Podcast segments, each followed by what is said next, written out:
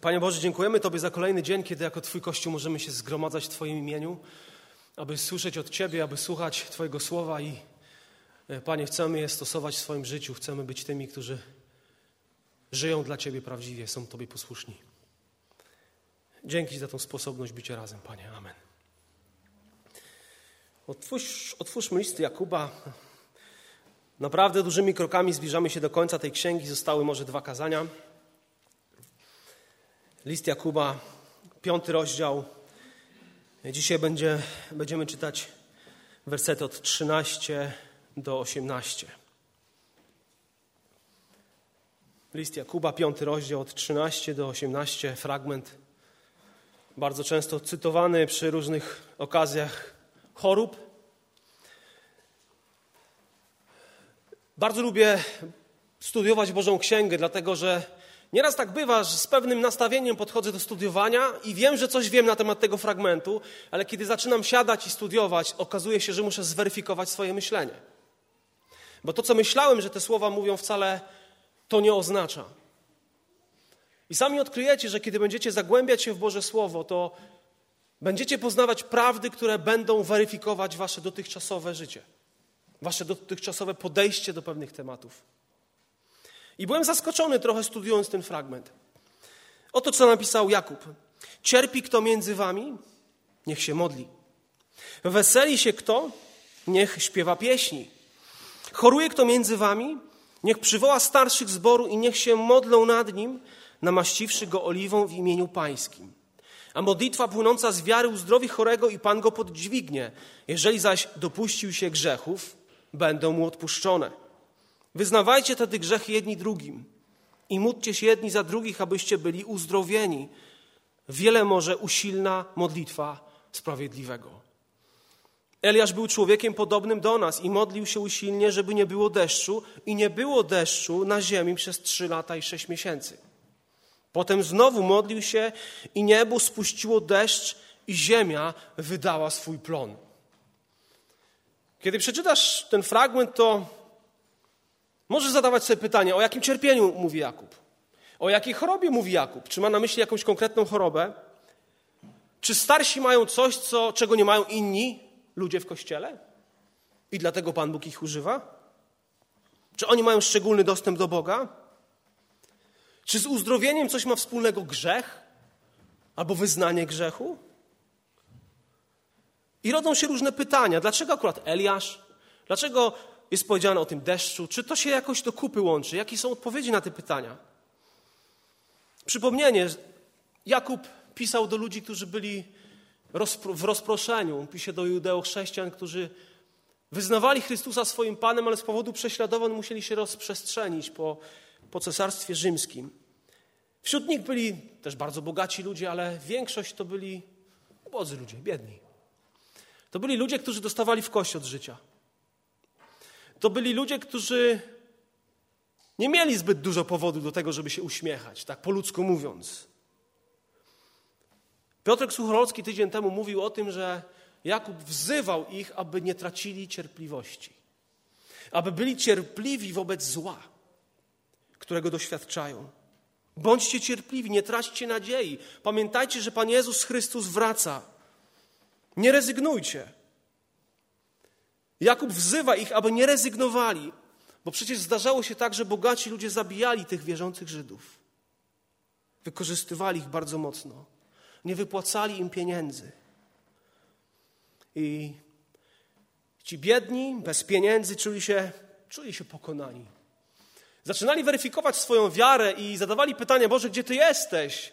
Ta moja wiara jest jakaś taka, nic się nie dzieje, jestem wykorzystywany, jestem bardzo mocno wykorzystywany. Jestem przygniatany ponad moje siły. I gdzie Ty jesteś, Boże, gdzie Ty się zapodziałeś? I tracili z oczu Jezusa. Jakub pisze do prześladowanego, cierpiącego kościoła, który potrzebuje wsparcia. I w jaki sposób otrzymuje to wsparcie? Poprzez modlitwę. Poprzez modlitwę. Ktoś, kto mógłby nauczać na temat modlitwy, to właśnie autor tego listu, Jakub, przywódca kościoła w Jerozolimie. W historii, w tradycji kościoła mówi się, że Jakub miał pewien przydomek. Przezywano go, miał pewne przezwisko. Wiecie, jakie to było przezwisko? Oto idzie stare wielbłądzie kolano.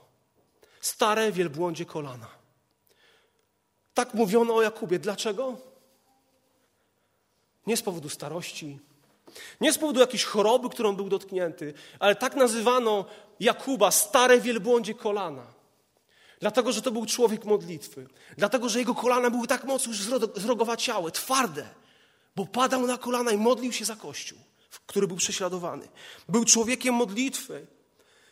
Był człowiekiem wielbłądzich kolan, ale to był też człowiek wielbłądziego garba, bo nosił na swoich bargach cierpienia i ciężary innych ludzi. Oni wrzucali na jego barki i on wołał do Boga. Taki był Jakub, autor tego listu.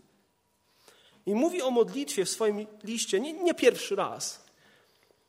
Na samym początku mówi, jeśli brakuje wam mądrości, proście. Mówił o tym, że można źle prosić, coś chcieć od Boga, żeby dla siebie coś wykorzystać. I w tym miejscu również mówi o modlitwie. W tym fragmencie, który przeczytałem, aż siedem razy w tych sześciu wersetach wspomina o modlitwie. Praktycznie w każdym wersecie mówi o modlitwie. I w szesnastym dwa razy. Edward McKenney Bounce napisał 11 książek, z czego 9 na temat modlitwy. Mamy tą, na pewno tą książkę w bibliotece, Moc przez modlitwę. Wiecie, co on powiedział? To, czego dzisiaj Kościół potrzebuje, to nie więcej maszyn i sprzętu, nie lepszych rozwiązań, nie nowszej organizacji, nowatorskich metod, ale ludzi, którzy, których może użyć Duch Święty. Kościół potrzebuje ludzi modlitwy, ludzi potężnych w modlitwie. Jeżeli jako pastor miałbym Was o coś prosić, to prosiłbym Was o to, żebyście modlili się o to, abym ja się modlił. Żebym ja się modlił prawdziwie. Pan Jezus przy okazji opowiadania pewnego podobieństwa powiedział o tym, że powinniśmy zawsze się modlić i nie ustawać. Zawsze się modlić i nie ustawać. Brak modlitwy w Twoim życiu to brak paliwa. To brak paliwa w codzienności. Największą potrzebą Kościoła jest dzisiaj potrzeba modlitwy do Boga i uwielbiania Jego imienia. Jakub pisze, cierpi kto między wami? O jakim cierpieniu mówi? Jakub używa tego samego słowa, którego użył kilka wersetów wcześniej, w dziesiątym wersecie, kiedy mówił, bracia, za przykład cierpienia i cierpliwości bierzcie proroków. Używa tego samego słowa, czyli mówi o znoszeniu zła, o cierpieniu z powodu zła. Cierpi kto między wami? Ktoś znosi zło? Masz poważne problemy, znosisz twardość swojego życia, jesteś utrapiony, jesteś dotknięty jakimś, jakimś złem. Cierpienie. Tego samego słowa używa na przykład apostoł Paweł, kiedy mówi do Tymoteusza. Mówi tak, cierp wespół ze mną, jako dobry żołnierz Chrystusa Jezusa. Dalej, w 2 Tymoteusza 2,9 Paweł mówi, według mojej Ewangelii, dla której cierpię. To jest to samo słowo. W czwartym rozdziale, piątym wersecie drugiego Tymoteusza Paweł mówi, ale ty, Tymoteuszu, bądź czujny we wszystkim, cierp, wykonuj pracę ewangelisty. To jest to samo słowo. Jakub mówi o ludziach, którzy dotknięci są ciężarem, które przychodzi na nich z zewnątrz. Są dotknięci tym trudnym doświadczeniem, które przychodzi i które staje się jakby ich częścią ich życia, między innymi ze względu na Ewangelię. Pisze do ludzi, którzy byli bardzo mocno prześladowani ze strony złych ludzi, wykorzystywani. Pisze do tych, którzy stracili chęć do życia. Z jednej strony byli wśród nich ci, którzy się wynosili, zapominali o Bogu, planowali bez Boga, ale byli też wśród nich ci, którzy byli złamanego ducha. Tracili nadzieję. Poranieni wierzący którzy chorowali na swojej duszy i na swoim ciele. I myślałem przede wszystkim, że cierpienie, tutaj chodzi o pewne fizyczne cierpienie, ale właśnie nie. Właśnie nie.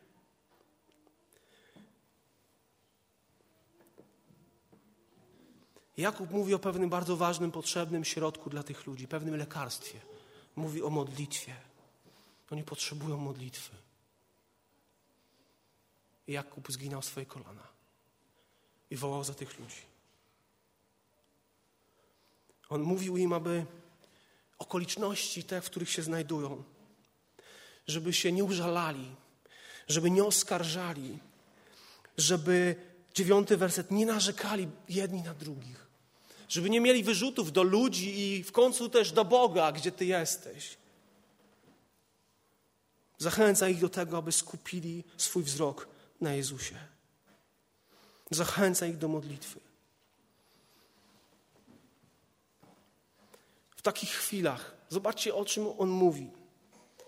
Zachęca w swoim liście do tego, aby modlili się nie o usunięcie przeszkód, ale o wytrwałość, o cierpliwość.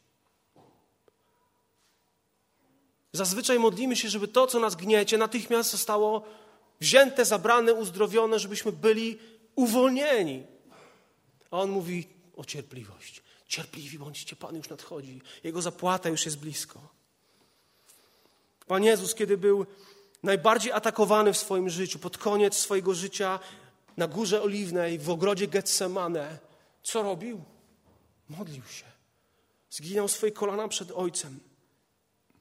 Modlitwa. Chcę Ci powiedzieć, że ona czasami nie zabierze próby, nie zabierze prasy z Twojego życia. Modlitwa tego nie zrobi w pewnych sytuacjach. Nie zabierze cierpienia, ale wiesz co zrobi? Przemieni to cierpienie. Przekształci to cierpienie. I co też za tym idzie? Ciebie przemieni, Ciebie przekształci modlitwa. Abyśmy potrafili widzieć i rozumieć, abyśmy potrafili rozpoznawać wolą Boże. Niezwykłe jest w chrześcijańskim życiu, że człowiek, który jest poświęcony Bogu, człowiek, który, którego oczy są nakierowane na Jezusa, po środku największego cierpienia potrafi się radować, potrafi się uśmiechać.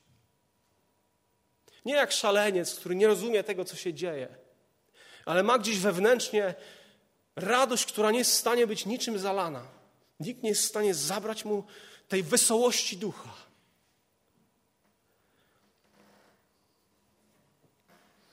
O Jezusie w Hebrajczyków w piątym rozdziale jest powiedziane, że za dni swojego życia w ciele zanosił on z wielkim wołaniem i ze łzami modlitwy i błagania do tego, który mógł go wybawić od śmierci i dla bogobojności został wysłuchany i chociaż był synem, nauczył się posłuszeństwa przez to, co wycierpiał.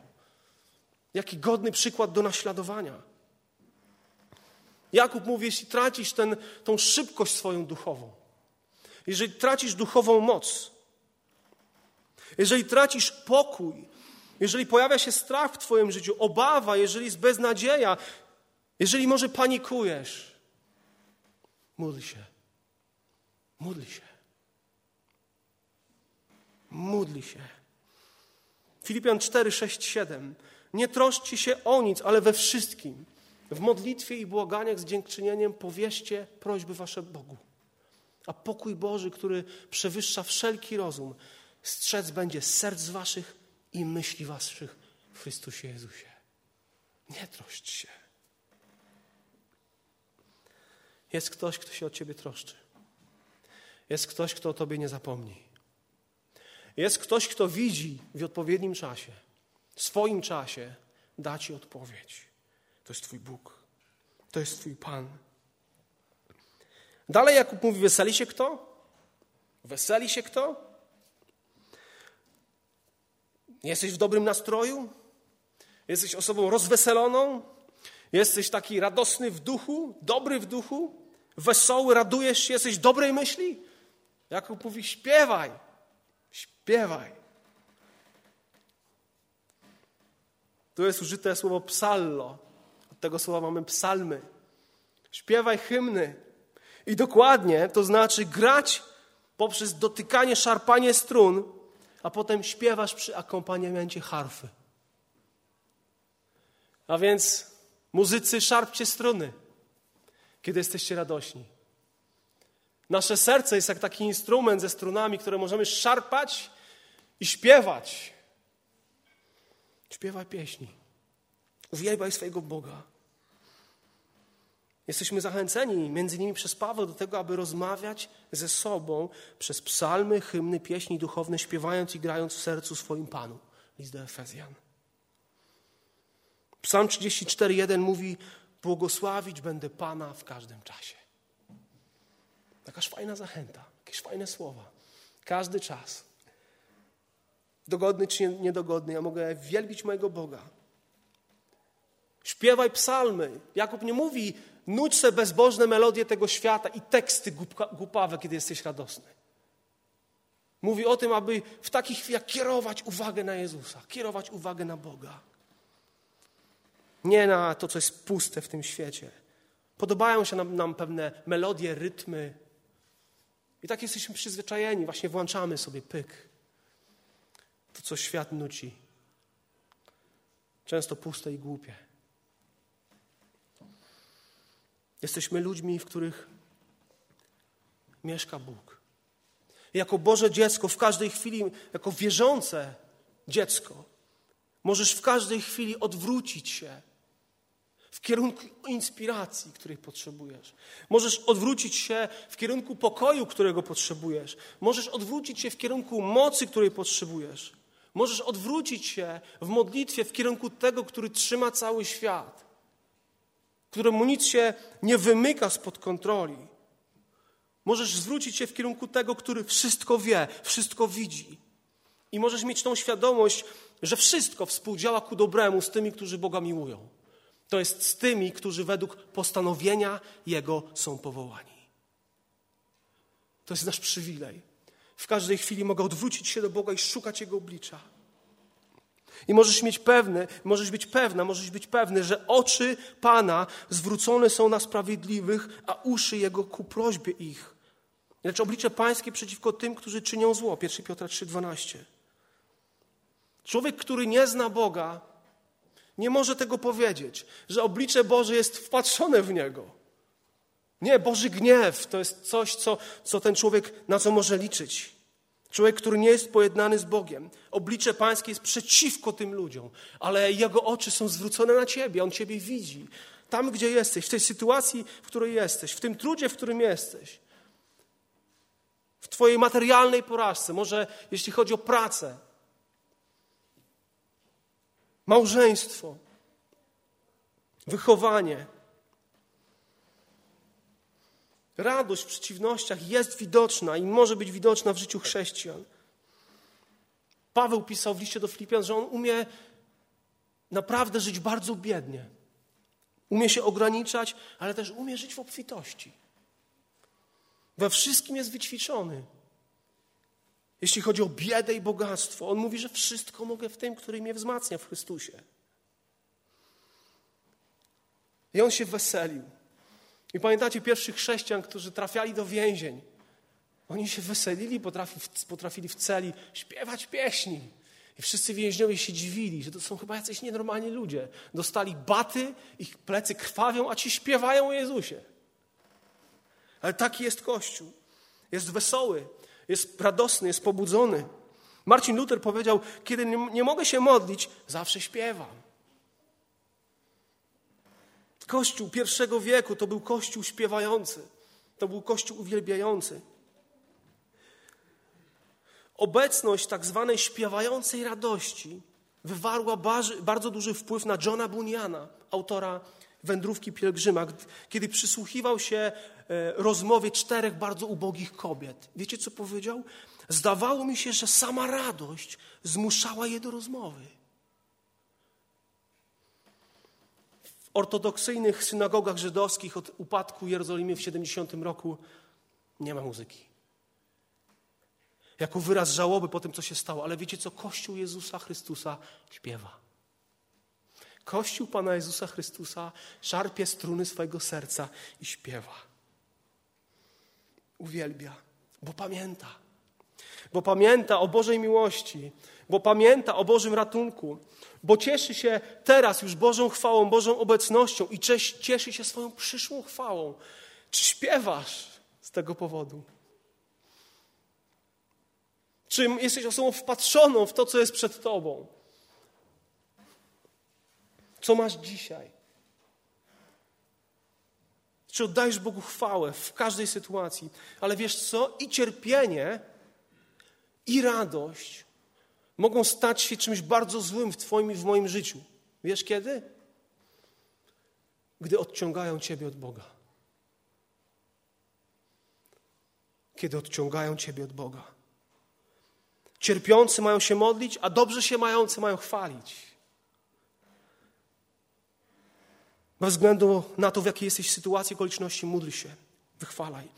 Jakub mówi, Cię choruje kto między wami? Niech przywoła starszych zboru, niech się modlą nad nim, namaściwszy go oliwą w imieniu pańskim. Niektórzy z tego fragmentu nauczają, że wszelkie uzdrowienie jest na odległość modlitwy, to jest tylko kwestia praktycznie pomodlenia się. Kościół rzymski widzi w tym fragmencie usprawiedliwienie swojego sakramentu ostatniego namaszczenia. O jakiej chorobie mówi Jakub? Żyjemy w świecie, w którym coraz częściej będziemy chorować z powodu tego, co się dzieje, z powodu tego, co jemy, co oddychamy, jak funkcjonujemy. Choroby są konsekwencją grzechu. Pomyśl o obżarstwie. Pomyśl o kimś, kto, kto wpada w furię, kto się gniewa. Pomyśl o, o ludziach, którzy z powodu nieprzebaczenia żyją w ciągłym nieprzebaczeniu. To wpływa na ich organizm, na ich psychikę. Choroby są konsekwencją grzechu. Ale nie każda choroba jest wynikiem grzechu. I tak jak powiedziałem, grzech może powodować chorobę. Rabini wierzyli, że wszelka choroba jest skutkiem grzechu. Wszystko, co się dzieje, gdzie choroba i cierpienie musi być grzech. I oni mawiali, nie ma śmierci bez winy, nie ma cierpienia bez grzechu. Każde uzdrowienie z choroby musi być poprzedzone przebaczeniem grzechów chorego. Jeden z rabinów Aleksandraj powiedział, nikt nie powraca do zdrowia, zanim Bóg nie przebaczy mu wszystkich grzechów. Żyd identyfikował cierpienie z grzechem. A jakie zdanie ma Kościół? Różne, no nie? Wiele jest dzisiaj błędnego myślenia na temat cierpienia, choroby. My wiemy, dlaczego pojawiło się zło na świecie. Trzeci rozdział Biblii możemy poczytać, co się stało w ogrodzie Eden.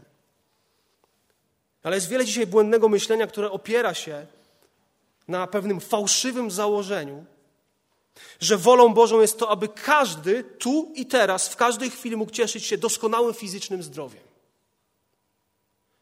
Każdy z Was spotkał się z takim zwiastowaniem.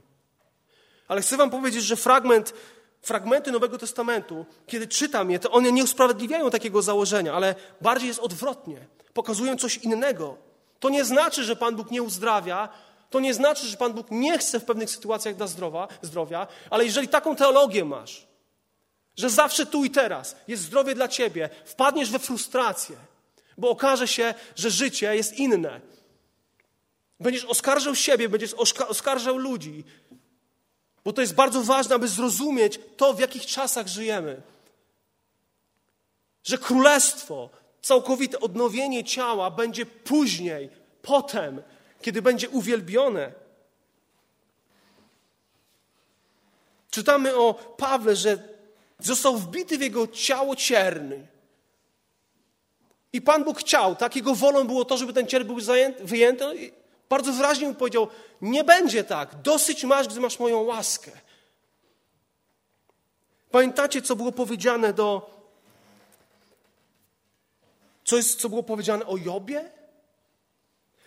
Co Paweł mówił o Tymoteuszu? To mówi apostoł Paweł.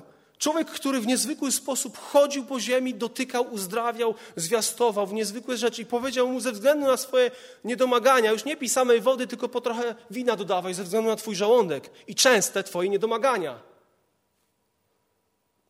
Nie mógł podejść do niego, go uzdrowić? Apostole Pawle, nie miałeś wiary, czy czego nie miałeś? Co się stało? Dlaczego jest powiedziane o Epafrodycie? Że tak cierpiał, był zaangażowany w służbę, że prawie umarł. I Paweł mówi: Na szczęście Bóg dał mu zdrowie, żebym nie miał smutku za smutkiem. Dlaczego są takie fragmenty w Bożym Słowie? Efezjan 4:20. Erast pozostał w Milecie, a chorego Trofima zostawiłem, y, a chorego Trofima pozostawiłem w Milecie. Jak chorego Trofima zostawiłeś w Milecie? Ty zostawiłeś, Pawle? Ty zostawiłeś, apostole? Kiedy przychodzą do mnie osoby i proszą o modlitwę, rozmawiam z nimi. Byłem na spotkaniach, w których w ogóle się nie rozmawia, tylko od razu się modlimy, bo tak trzeba, trzeba się modlić, ale bądźmy mądrzy w tym. I pytanie, o jakiej chorobie mówi Paweł? Chorobie ciała, czy może o czymś innym? Tutaj jest użyte słowo, które oznacza być słabym, być osłabionym, być, być bezsilnym, być biednym, być chorym. Chociaż jest użyty w Ewangeliach na określenie fizycznych chorób, to ogólnie, na przykład w dziejach apostolskich w listach, jest użyty na przykład w kontekście słabej, modli- słabej wiary, słabego sumienia, słabego, słabej osoby. Jest użyty w kontekście niewierzących, tak, o słabej osobowości. Na przykład wszak Chrystus, gdy jeszcze byliśmy słabi, umarł za nas.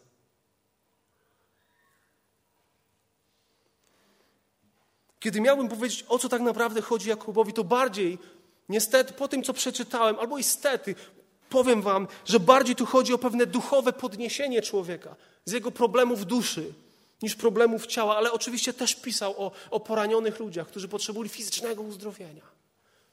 Ale zbyt często, kiedy ktoś zwiastował z tego fragmentu, to mówił tylko i wyłącznie o fizycznym uzdrowieniu. I cytują te fragmenty ludzie. Kaznodzieje.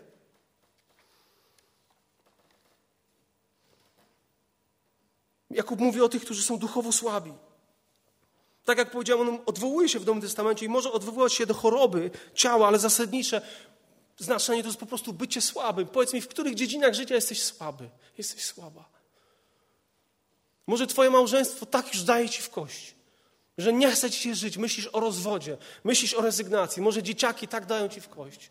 Może w pracy nie dajesz rady, bo jesteś naprawdę obciążony.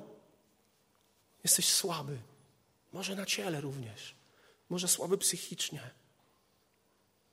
Może emocjonalnie jesteś osobą rozdartą z powodu tego, co się dzieje. I zaczyna brakować ci sił.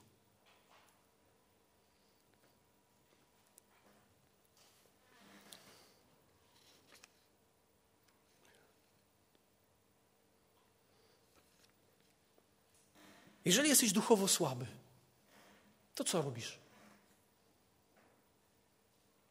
Szukasz kogoś, kto jest silny. Szukasz kogoś, kto jest mocny. Idziesz do tych siłaczy duchowych. Jakub mówi, jeżeli jesteś przygnieciony i chorujesz, przywołaj kogoś. Przywołaj starszych zboru, dokładnie prezbiterów, to jest słowo prezbiterów, i oni coś mają uczynić. Mają namaścić, mają się modlić. I można być w takim stanie duszy, ducha i ciała, że już nie modlisz się o siebie. W takich chwilach potrzebujesz kogoś, kto będzie za ciebie się modlił. Kto przyniesie ciebie na rękach modlitwy do Boga. Jakub mówi: idź do ludzi sprawiedliwych, idź do ludzi świętych, wezwij ich, poproś o pomoc. Mówi o niezwykłej służbie wsparcia niezwykłej posłudze. Największą posługą pastorów to jest wsparcie modlitwą i Bożym Słowem. To jest prawda, że często są obciążani takimi drobiazgami, które mogą wszyscy inni w kościele wykonać. Ale zasadnicza służba pastora to jest duszpasterstwo modlitewne i duszpasterstwo słowem. I oby mieli czas pastorzy aby zginać swoje kolana, aby ich kolana stawały się wielbłądzie. I aby byli w stanie nosić prawdziwe cierpienia i ciężary innych ludzi. I aby nie musieli zajmować się banalnymi drobiazgami w kościele. Oni mają namaścić, No właśnie, to co Jakub powiedział dwa tysiące lat temu, czy dzisiaj obowiązuje? Dlaczego to powiedział? Czy tu chodzi o jakiś pewien symbol, rytuał? Wiemy, że oliwa tak, jest symbolem Ducha Świętego, ale co miał Jakub na myśli? Jakiego słowa używa, mówiąc o namaszczaniu?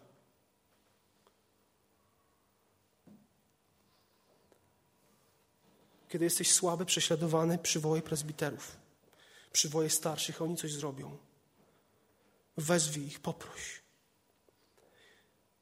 Jeżeli to robisz, to znaczy, że masz świadomość tego, w jakim miejscu się znajdujesz. Ba, to masz na tyle pokory, że prosisz kogoś o pomoc. A pewni ludzie pyszni nigdy nie poproszą o pomoc. Są zbyt dumni. Na Bliskim Wschodzie były znane dwa leki: wino i oliwa. Tak, oliwa była środkiem leczniczym. W Psalmie 23 czytamy: Namaszczasz oliwą głowę moją, to mówi Dawid, pasterz. Kiedy pasterz pod koniec dnia namaszczał, tak, namaszczał oliwą głowę, jak zobaczył, że jakaś owca jest poraniona gdzieś na, na twarzy, na, na, na pysku, na głowie. Słowo namaścić, w Grece mamy dwa słowa. Pierwsze to chrio i drugie to alajfo. Chrio to jest takie święte, religijne słowo. Od tego słowa mamy Chrystus, tak? To znaczy namaszczony. Użyte jest kilka razy w Nowym Testamencie to słowo chrio w odniesieniu do Chrystusa i Jego jakby namaszczenia przez, e, przez Ojca Duchem Świętym, ale jest też alajfo słowo. To było świeckie słowo, całkowite, świeckie, przyziemne. Jakbyśmy mieli powiedzieć, to e, chrio to było to sakrum, święte, ale to alajfo to było profanu, zwykłe słowo. Pospolite oznaczało natarcie kogoś, nasmarowanie, namaszczenie, wymasowanie olejem.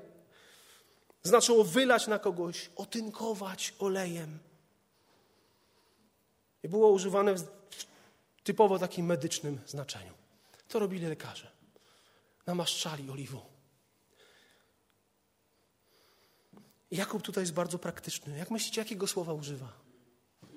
Nie używa tego świętego słowa chrio. Używa zwykłego słowa pospolitego. Kiedy ci prześladowani ludzie trafiali do wspólnot złamani przez ciężar, poranieni, starsi niczym ojcowie zaczęli pielęgnować ich. Zalewali te, te rany oliwą. Wiecie, ja miałem taki obraz też, wiecie, troszkę kropelkę na głowę. Aż tak też praktykowałem.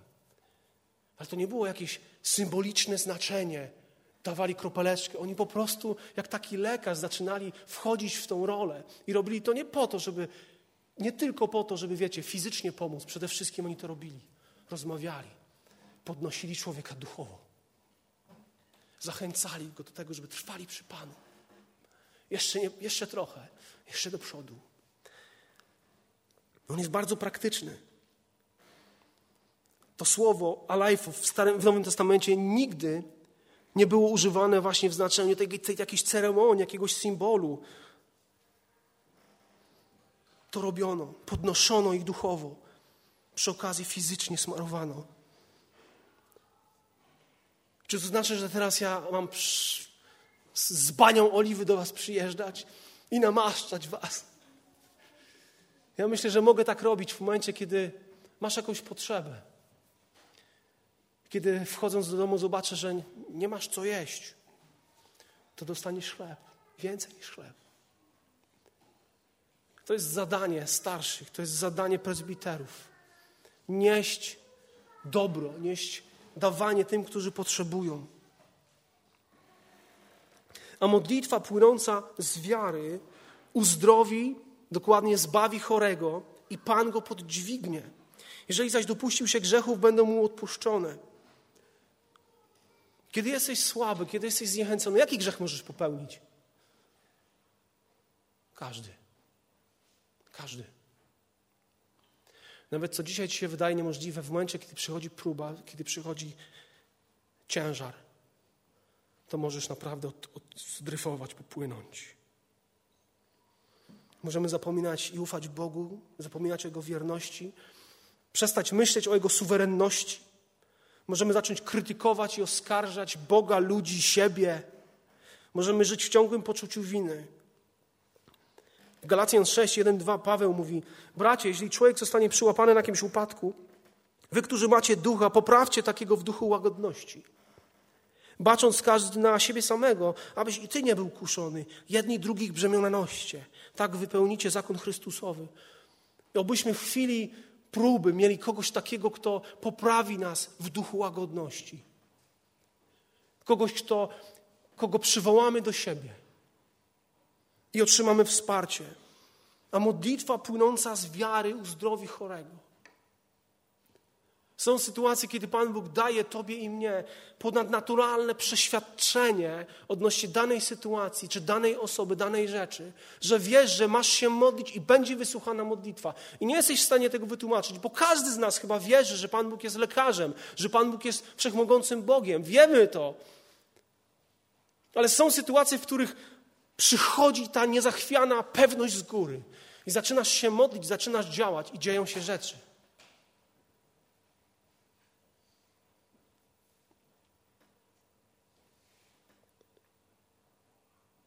Wiesz, że będzie dobrze, że będzie odpowiedź na modlitwę, że Pan Bóg da Tobie, bo rozpali w Tobie to pragnienie, żeby się modlić, żeby iść, żeby pomóc, żeby zadzwonić i będzie dobrze, będzie dobrze. Mówiłem, że tak, grzech może być przyczyną chorób. Jeżeli tak jest, w takich przypadkach, no przebaczenie musi nastąpić. Ono następuje na skutek wyznania grzechu. Modlitwa płynąca z tego zaufania do Boga zbawi, podniesie, tak, zbawi chorego i Pan go podźwignie. Uzdrowi, uratuje, wyzwoli, uczyni całym, to znaczy to słowo zbawić. Chorego, jakie to jest użyte słowo? Tego, który jest nękany dokładnie. Tego, który jest nękany. Tego, który jest chory, który jest znużony, który cierpi w pewnej skrajności. Wiecie, tu nie jest mowa o tym, że kogoś paluszek boli.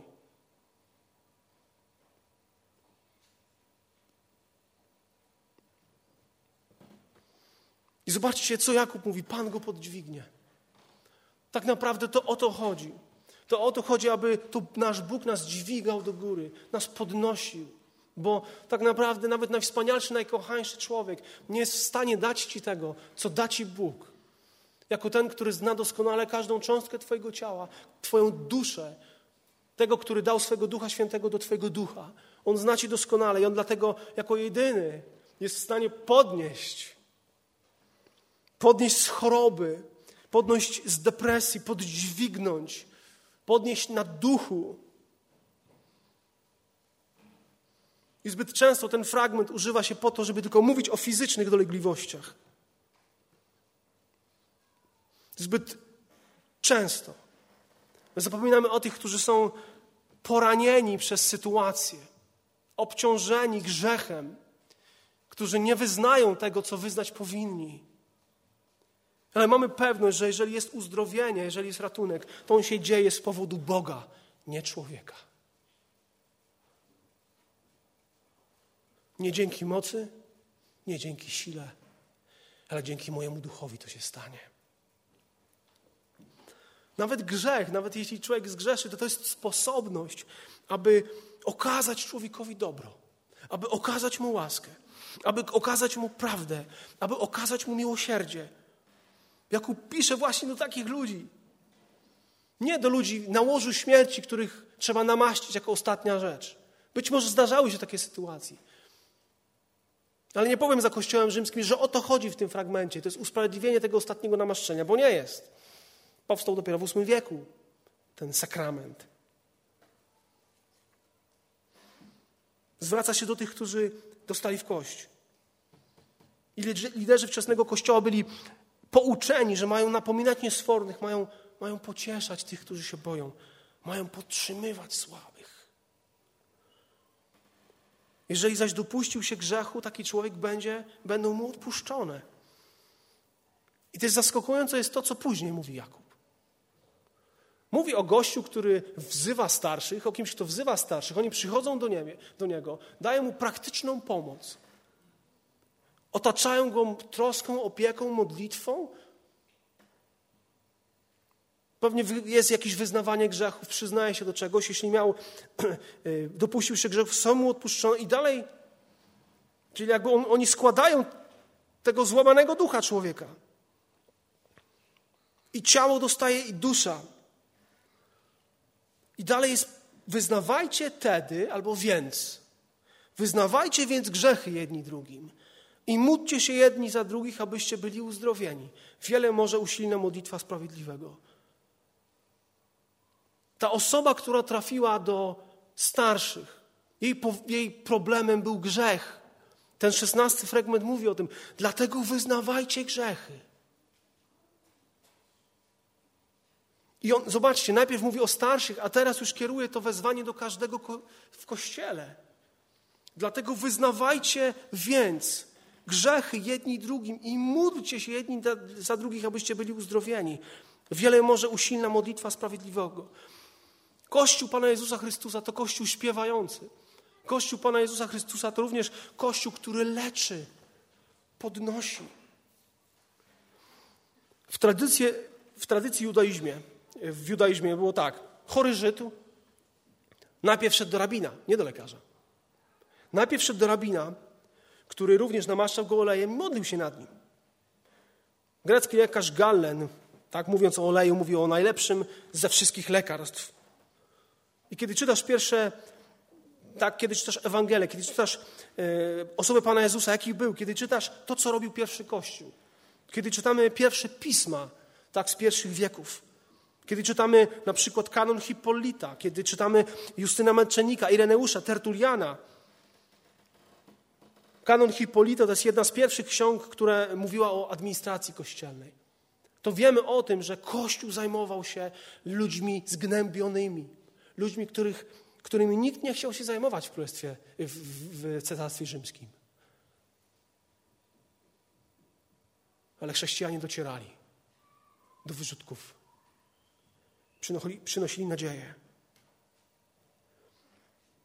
Pierwszy list Klemensa i tam była modlitwa napisana. Uzdrów chorego, Panie, podnieś słabego, dodaj odwagi małodusznemu. I rabini bardzo wyraźnie mówili też, że potrzeba wyznawania grzechów jest, to jest fundamentalne. Potrzeba wyznania grzechów wobec ludzi, a szczególnie e, wobec tych, których, którzy zgrzeszyli, przeciwko którym jakby zgrzeszyliśmy, oraz wobec Boga. I teraz pytanie, co łatwiej, komu jest łatwiej wyznać grzech? Bogu czy człowiekowi? Bogu, no nie? Strasznie głupio iść do kogoś, przeciwko komu zgrzeszyliśmy. Mamy potężne opory.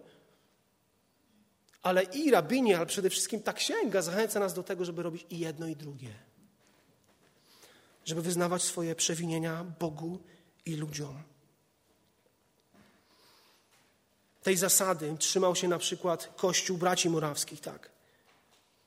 XVIII wiek. Wesley, potężny przebudzeniowiec angielski, duchowny anglikański, który był teologiem, kaznodzieją. Dzięki niemu przebudzenie było w Anglii i poza granice Anglii. On praktykował, zakładał takie klasy metodystyczne dla swoich studentów, dla tych, którzy się nawracali. I on mówi, że spotykano się dwa, trzy razy w tygodniu. Po co? Aby wyznawać grzechy jedni i drugim i modlić się jedni za drugich, by przeżyć własne uzdrowienie. Oczywiście potrzeba w tym mądrości, bo wyznając grzechy plotkarzowi, wiesz co będzie. Trzeba w tym mądrości. Nie każdemu o wszystkim mówisz. Ale ważne, żebyśmy mieli obok siebie, wokół siebie ludzi, którzy potrafią ten mój ciężar razem ze mną nieść, kiedy brakuje mi sił. Zobaczcie, najpierw mówił o starszych, a teraz mówi o Kościele, idzie dalej. Nie tylko starsi cierpiący, ale ty i ja możemy to robić. Jesteśmy wezwani, aby wyznawać sobie nawzajem grzechy. A więc wyznawaj grzechy i słuchaj wyznawania grzechów. I módlcie się razem. Co trzyma ciebie dzisiaj słabym, słabą? Co sprawia, że jesteś osobą pokonaną? Może jest coś, co musi zostać uregulowane z człowiekiem i z Bogiem. Co by było, gdyby Kościół na poważnie traktował ten fragment? Wyznawajcie te grzechy jedni drugim i módlcie się jedni za drugich, abyście byli uzdrowieni. To będzie się działo. Nie ukrywaj tego, co cię trapi. Bądź szczery. Bądź osobą, która będzie dzielić się tymi bitwami, przez które przechodzisz. Powiedz, że przegrywasz w pewnych sferach i potrzebujesz wsparcia brata czy siostry. Powiedz, że brakuje ci sił, że jesteś bliski rezygnacji. Powiedz to Bogu, powiedz to człowiekowi. Nie bądź osobą, która będzie prowadzona, prowadzona przez grzech, który w konsekwencji doprowadzi ciebie na dno rozpaczy.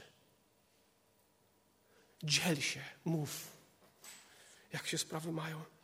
Módlcie się jedni za drugich. Cytat. Nic nie sprawia, że kochamy człowieka bardziej, jak tylko modlitwa za niego. Abyśmy byli uzdrowieni, abyśmy byli uleczeni, abyśmy byli uczynieni całymi, abyśmy byli wolni od błędów, wolni od grzechów, abyśmy byli zbawieni, abyśmy byli wyleczeni. Jakub mówi o wyleczeniu i ciała, ale myślę, że przede wszystkim o duchowe, o duchowym zdrowiu. To jest cudowne lekarstwo. Jakub mówi, że lekarstwem jest osobiste wyznanie grzechu i modlitw, modlitewna troska. To właśnie ta wzajemna troska powoduje, że zniechęceni mogą wstać. Troszysz się. To ta modlitewna, wzajemna troska powoduje, że słabi nabierają sił.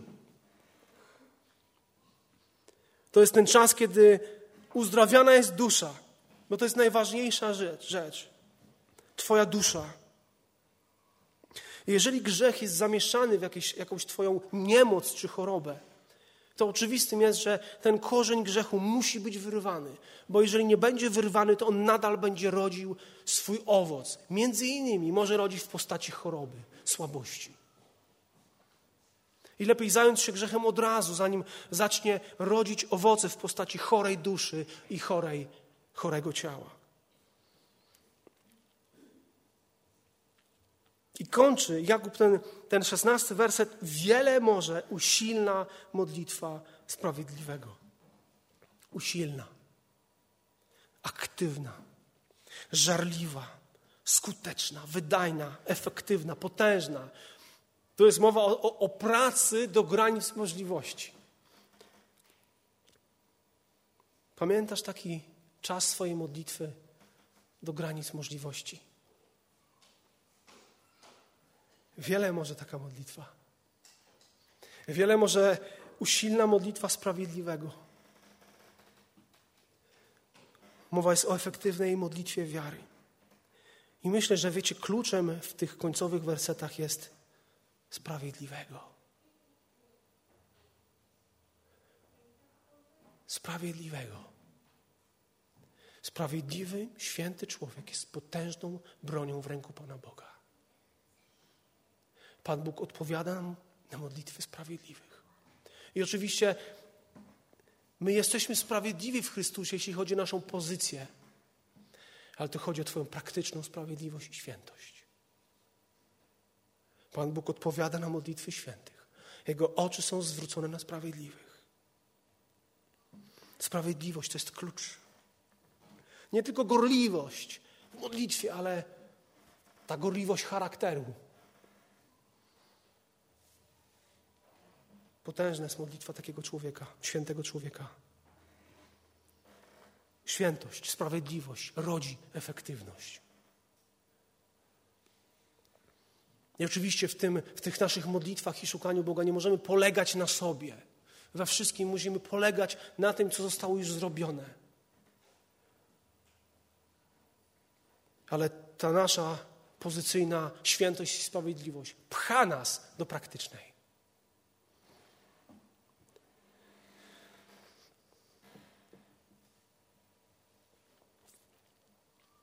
William Barclay, komentator w swojej książce Marnotrawni i ci, którzy kochają, powiedział takie słowa: Gdy się modlisz, pamiętaj. Po pierwsze, o miłości Boga do ciebie, który chce dla ciebie jak najlepiej. Po drugie, pamiętaj o mądrości Bożej, która wie, co jest dla nas najlepsze. I po trzecie, pamiętaj o mocy Bożej, która może wszystko dokonać. John Bunyan, którego, o którym mówiłem na początku, powiedział: Kiedy się modlisz, raczej niech Twe serce będzie bez słów, niż Twe słowa bez serca. Teraz Jakub mówi o Eliaszu. Wiele może usilna modlitwa sprawiedliwego i przytacza historię Eliasza.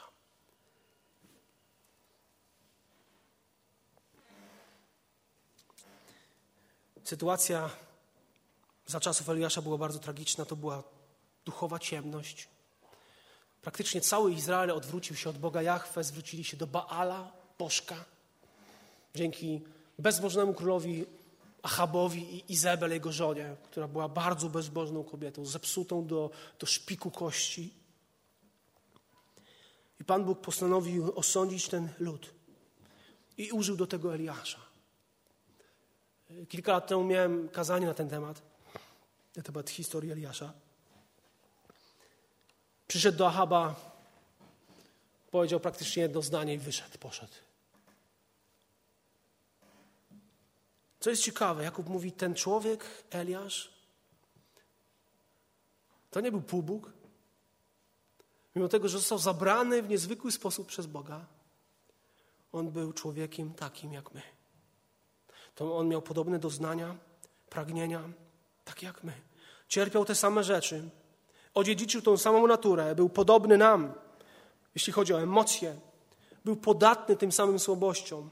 To był człowiek upadków i wzlotów. To jest człowiek, który depresję miał i potrafił się cieszyć ze zwycięstwa. Był tacy jak, taki jak my. I kiedy modlił się, żeby nie było deszczu, to modlił się nie dlatego, że sobie tak odczuł i stwierdził się, a, nie lubię Ahaba. Nie stwierdził sobie, że a, zobaczymy, co będzie. Tą modlitwę dostał od Boga. Pan Bóg pobudził jego serce i życie, żeby poszedł, powiedział jedno zdanie, modlił się i nie było deszczu przez trzy i pół roku. Jest powiedziane o nim, że modlił się, tu mamy napisane e, usilnie, ale tu jest w Grece jest fajnie powiedziane, że modlił się modlitwą, albo w modlitwie modlił się. To było coś, modlić się w modlitwie? Jak to musiało wyglądać? Był powodzony przez Boga.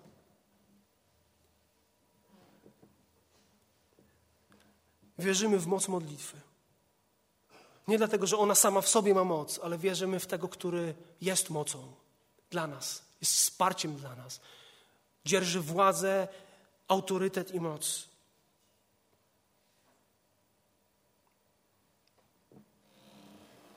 Kiedy się modlisz,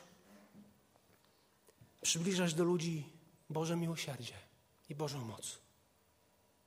Jakub mówi o modlitwie indywidualnej w 13 wersecie, o modlitwie starszych w 14, o modlitwie wiary w 15, o modlitwie wierzących jedni o drugich, o usilnej, gorliwej modlitwie sprawiedliwego. Mówi o modlitwie Eliasza raz i drugi.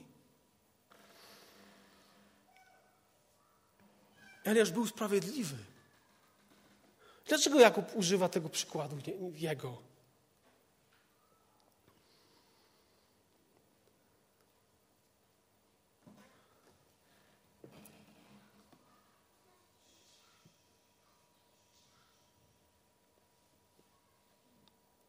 Czego może uczyć, możemy uczyć się od Eliasza? Dzięki temu, że ten człowiek później pomodlił się, przyszedł deszcz i ziemia wydała swój plon.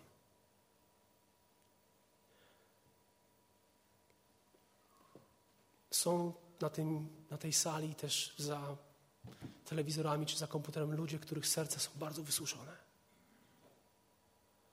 serca wyschnięte, serca, które nie owocują z powodu grzechu, z powodu problemów, z powodu ciężarów, napięcia. I jest ktoś, musi znaleźć się ktoś, kto sprowadzi deszcz na te serca. Eliasz był takim człowiekiem. Izrael był osądzony, ale był czas, kiedy modlił się o deszcz. I ta modlitwa przynosi Modlitwa wiary przynosi duchową pełnię, przynosi zdrowie, przynosi błogosławieństwo dla ziemi, dla gleby Twojego serca, przynosi produktywność tej rozdartej duszy, podzielonej duszy. Jeżeli wysuszona ziemia, to są też suche plony albo w ogóle ich nie ma. Brak. I kiedy jest wysuszony duch, to są suche plony albo, albo ich brak. Sprawiedliwa modlitwa świętych jest wielką rzeczą. Eliasz modlił się bardzo konkretnie, bardzo konkretnie, żeby nie było deszczu, potem, żeby był deszcz. I wiecie, że modlił się z pokorą i, i oczekiwał, wyczekiwał. W tej historii czytamy, że siedem, siedem razy wysyłał sługę, czyli jest jakaś chmurka na niebie. I ten siedem razy latał, nie ma nic, nie ma nic. Biegnij, biegnij. On miał świadomość tego, że to, o co się modlił, przyjdzie. I nagle za siódmym razem zobaczył małą chmurkę. I zaczęli uciekać później, bo spadła taka ulewa. To był człowiek oczekiwania od Boga. To był człowiek bardzo konkretnej modlitwy. A my się za szybko poddajemy przed Bożym obliczem. Kiedy Pan Bóg chce spuścić deszcz, to poddajemy się.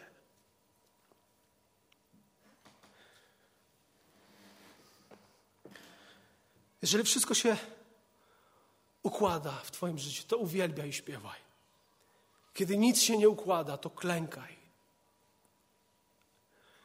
Módl się, gdy cierpisz, śpiewaj, kiedy jesteś w radości. Kościół Pana Jezusa Chrystusa to jest Kościół, który się modli również. To jest Kościół, który śpiewa. To jest Kościół, który podnosi z choroby, z niemocy. To jest Kościół, który się modli. To jest Kościół, który wywyższa Boga. To jest Kościół, który realizuje Jego wolę, między innymi poprzez modlitwę. Iwan był człowiekiem, który trafił do, do radzieckiego obozu. Miał straszne warunki. I pewnego, on był wierzącym człowiekiem, pewnego dnia modlił się z zamkniętymi oczami. I kiedy y, współwięzień zauważył go, to zaczął z kpiną do niego mówić: Modlitwy nie pomogą ci szybciej się stąd wydostać. I wtedy Iwan, otwierając oczy, odpowiedział: Nie modlę się o wyjście z więzienia. Modlę się o wypełnienie Bożej woli. I abyśmy byli kościołem, który będzie w modlitwie szukał Bożej woli, szukał wypełnienia Bożej woli. Obyśmy byli świętymi, sprawiedliwymi ludźmi starych, wielbłądzich kolan i wielbłądzich garbów. Obyśmy byli ludźmi wielbłądzich kolan i wielbłądzich garbów. Po nabożeństwie, jeżeli potrzebujesz modlitwy, będę do Twojej dyspozycji. Jeżeli potrzebujesz wsparcia, będę do Twojej dyspozycji. Chcę się z Tobą o Ciebie modlić, jeśli jesteś osobą przygniecioną. Jeżeli jest coś, z czym sobie nie radzisz, będziemy rozmawiać i wołać do Boga. Jego imię musi być uwielbione. Amen.